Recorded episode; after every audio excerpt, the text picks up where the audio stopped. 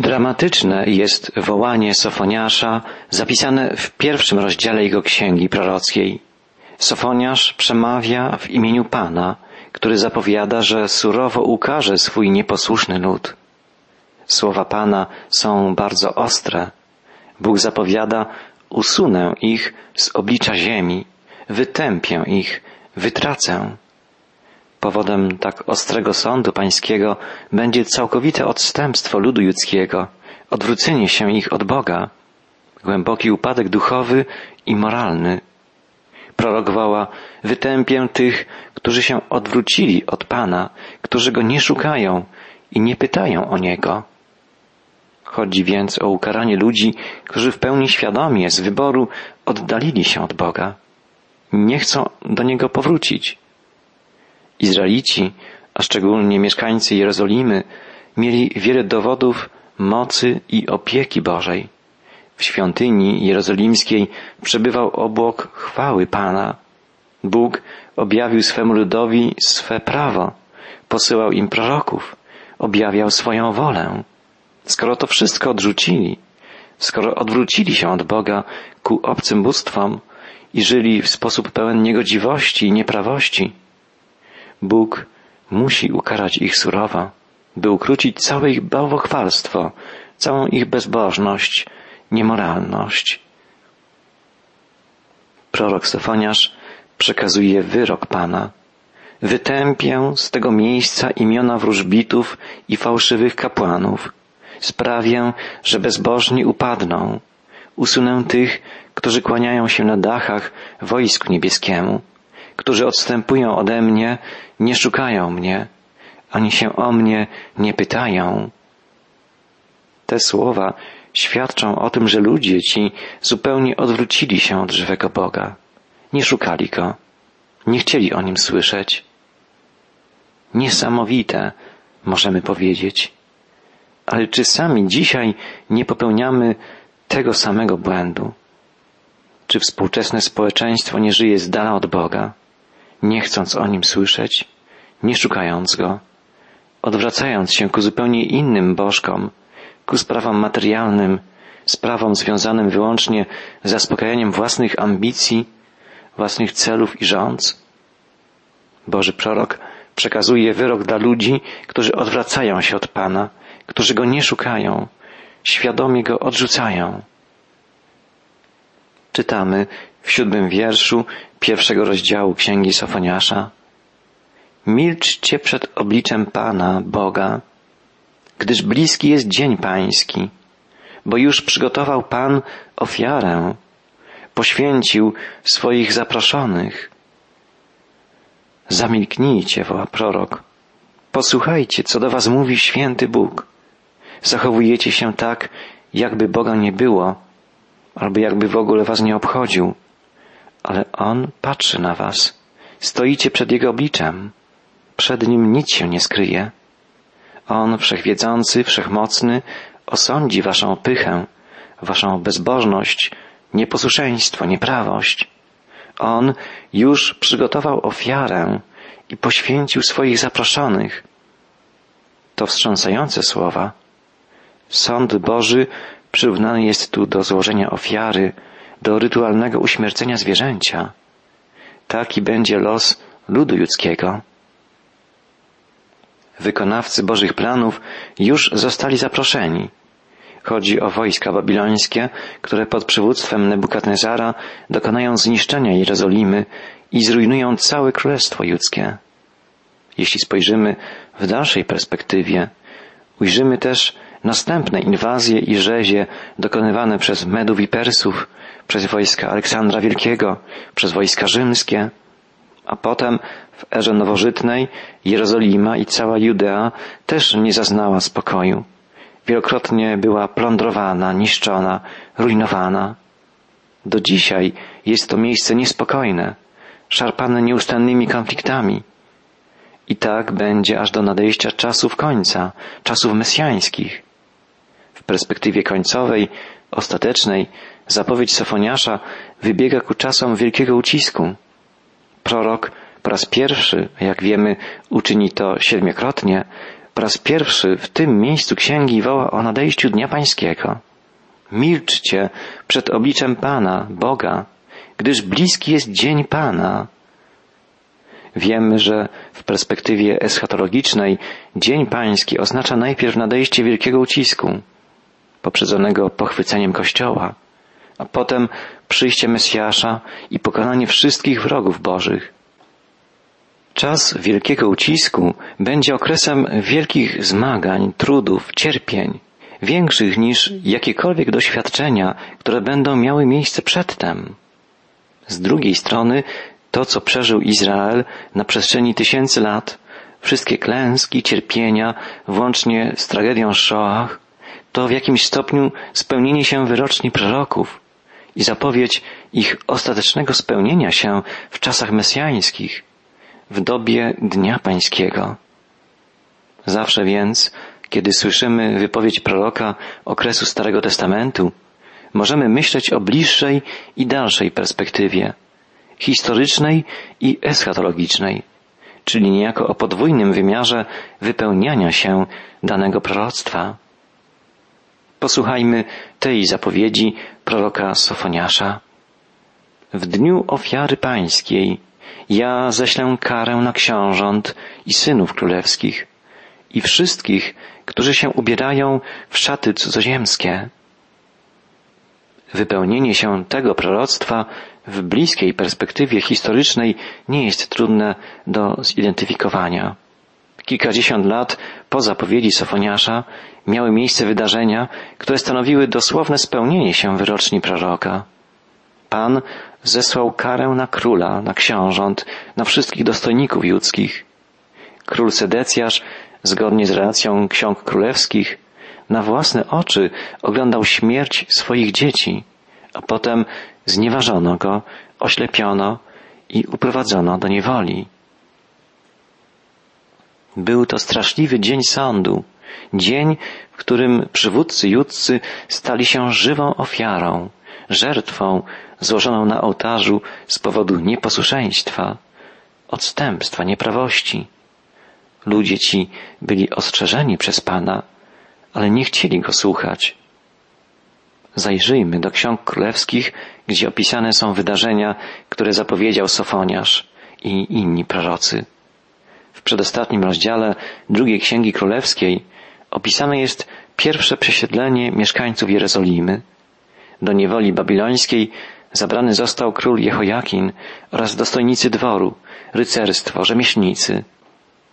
Król babiloński Nebukadnezar ustanowił władcą Jerozolimy Sedecjasza, który podobnie jak jego poprzednik był królem bezbożnym, nieprawym. Sedecjasz miał dwadzieścia jeden lat, gdy objął władzę królewską. Panował jedenaście lat w Jerozolimie. Czynił to, co złe w oczach Pana, we wszystkim. Z powodu gniewu Pana bowiem działo się to w Jeruzalemie i w Judzie, aż odrzucił ich od oblicza swego. W dziewiątym roku jego panowania nadciągnął Nebukadnezar, król babiloński, wraz z całym swoim wojskiem pod Jeruzalem. Obległ je i usypał wokoło niego szańce. I miasto było oblężone aż do jedenastego roku panowania króla Sedesjasza.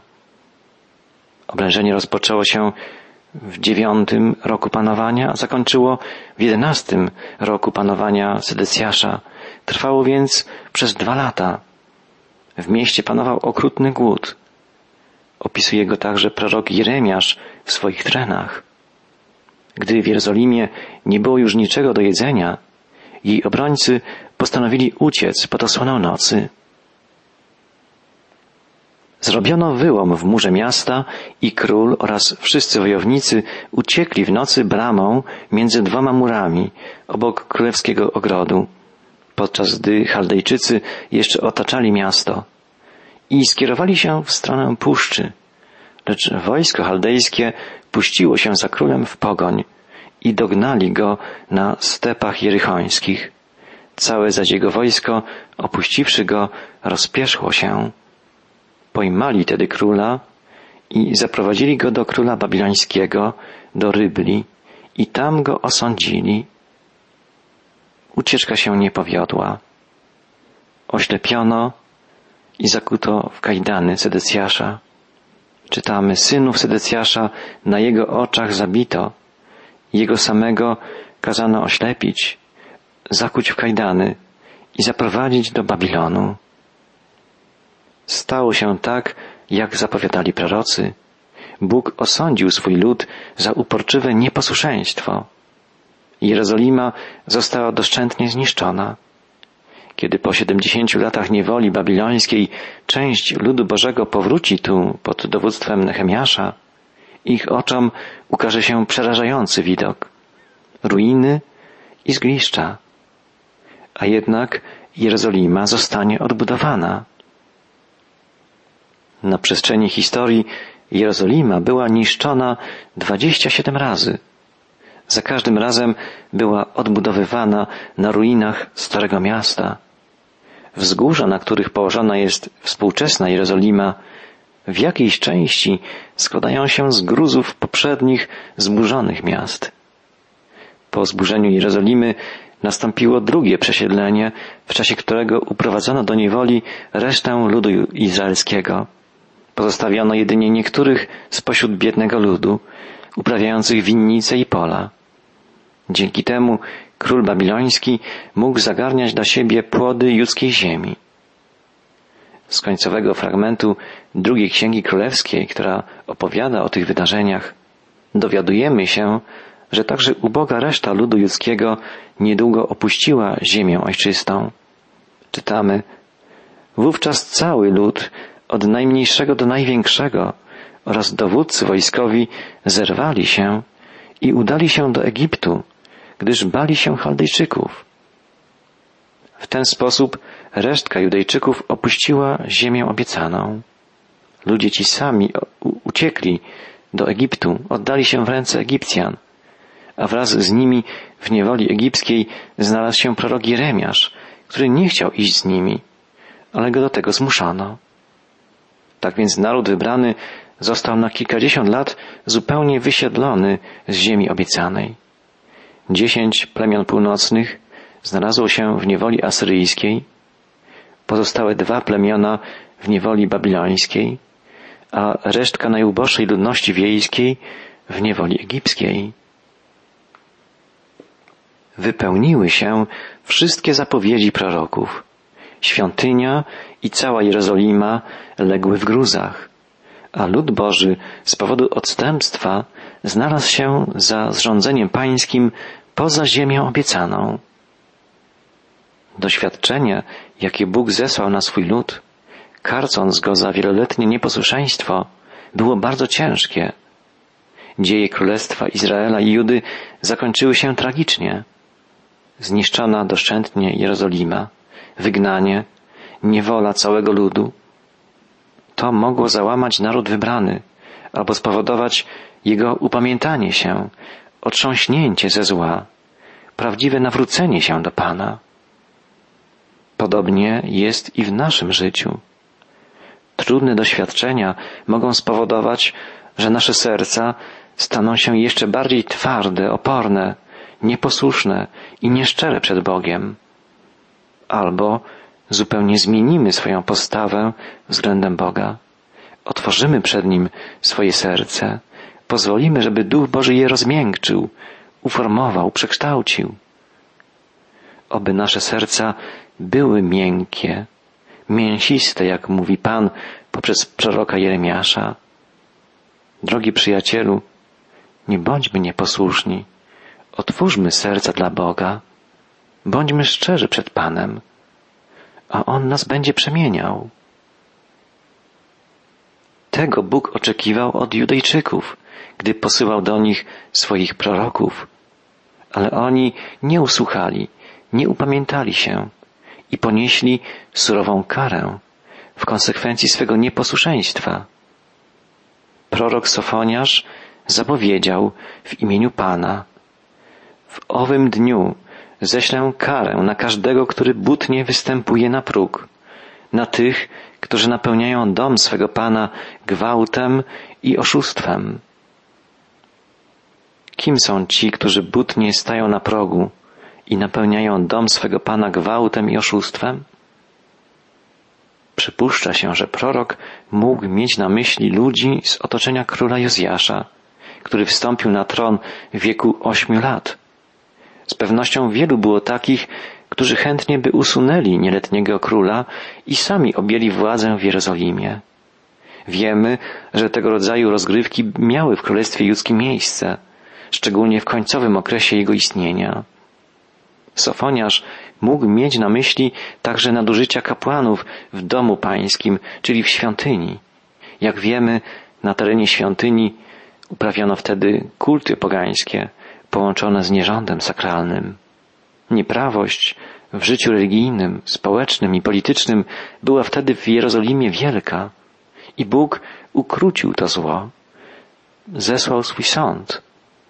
Boży prorok woła i będzie owego dnia wyrocznia Pana głośne wołanie od bramy rybnej i lament z drugiej strony miasta oraz trzask wielki i od strony pagórków.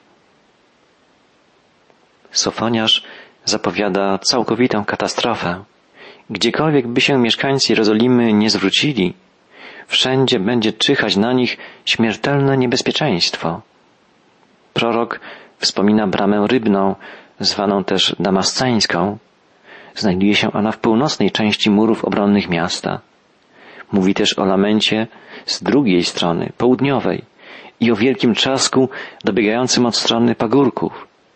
A wiemy, że Jerozolima ze wszystkich stron jest otoczona wzgórzami. Sofoniarz zapowiada kataklizm, który zniszczy doszczętnie całą Jerozolimę. Jeszcze raz podkreślmy, że na przestrzeni historii Jerozolima była rujnowana wielokrotnie. Ale prorok ma na myśli zarówno najbliższą klęskę, która dokona się za sprawą wojsk babilońskich, jak też tę, która czeka Jerozolimę w czasach ostatecznych, w okresie wielkiego ucisku, w czasie nadejścia Dnia Pańskiego. Prorok Sofoniarz woła dalej, narzekajcie, mieszkańcy moździerza, bo wytępiony będzie cały lud Kanaanu. Wygładzeni zostaną wszyscy, którzy odważają srebro. Boży prorok zwraca się teraz do zamożnych warstw społeczności jerozolimskiej. Moździerzem zwano północną część Jerozolimy, zamieszkiwanej przez bogatych kupców. Swoją nazwę zawdzięcza ta część miasta dolinie, która w kształcie niecki, przypominającej moździerz, rozciągała się między świątynią a zachodnim wzgórzem. Nikt nie może czuć się bezpieczny i biedni i bogaci stracą wszystko. To przesłanie proroka, które ostrzega mieszkańców Jerozolimy przed totalnym zniszczeniem. Wówczas tak będzie. Z pochodniami przeszukam Jeruzalem i ześlę karę na mężów zastygłych na swych drożdżach, którzy mówią w swych sercach, nie uczyni Pan dobrze i źle nie uczyni.